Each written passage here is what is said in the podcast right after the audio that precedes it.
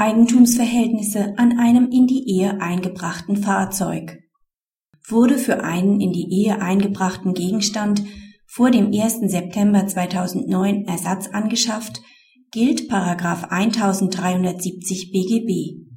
Der Eigentumserwerb wird auch nach dem Wegfall von Paragraph 1370 BGB zum 1. September 2009 nach dieser Vorschrift beurteilt. Die sich im Scheidungsverfahren befindlichen Eheleute streiten um die Herausgabe eines Motorrads. Dieses und ein Pkw sind schon seit der Zeit vor Eheschließung auf den Ehemann zugelassen, wobei dieser das Motorrad während der Ehe nahezu alleine nutzte. Den Pkw dagegen nutzten beide Ehegatten. Während der Ehe gibt der Ehemann den Pkw ab, die Ehefrau kauft einen neuen Pkw, der wieder auf den Ehemann zugelassen wird. Er wird von den Eheleuten weiter gemeinsam genutzt. Nach der Trennung befindet sich der Pkw im Besitz des Ehemanns, das Motorrad im Besitz der Ehefrau. Der Ehemann begehrt Prozesskostenhilfe für einen Antrag auf Herausgabe des Motorrads. Die Ehefrau ist der Ansicht, dass der Ehemann eine Herausgabe nur Zug um Zug gegen Herausgabe des Pkw verlangen kann. Das Amtsgericht weist den Antrag mit Beschluss vom 29. September 2009 zurück.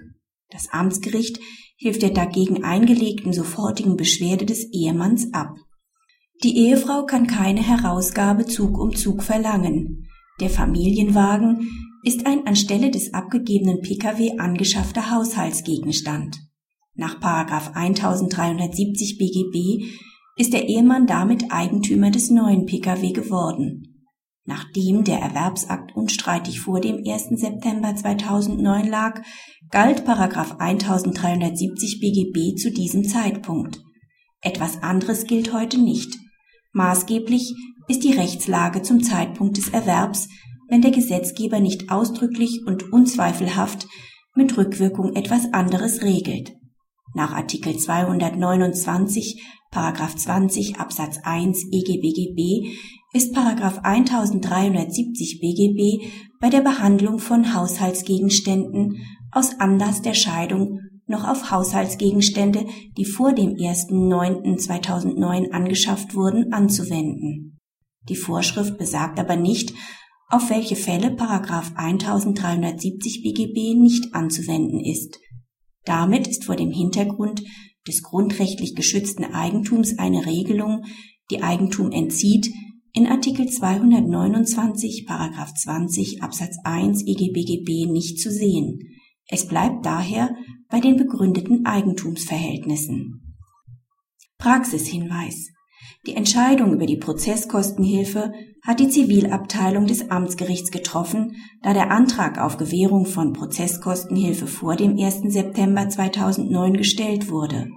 Die Angelegenheit war vor dem 1. September 2009 keine Familiensache. Ab dem 1. September 2009 ist sie eine sogenannte sonstige Familiensache. Das Amtsgericht ist der Auffassung, dass das Familiengericht zur Entscheidung über die Herausgabe zuständig ist weil das Verfahren auf Herausgabe nach Gewährung von Prozesskostenhilfe und nach dem 1. September 2009 eingeleitet wurde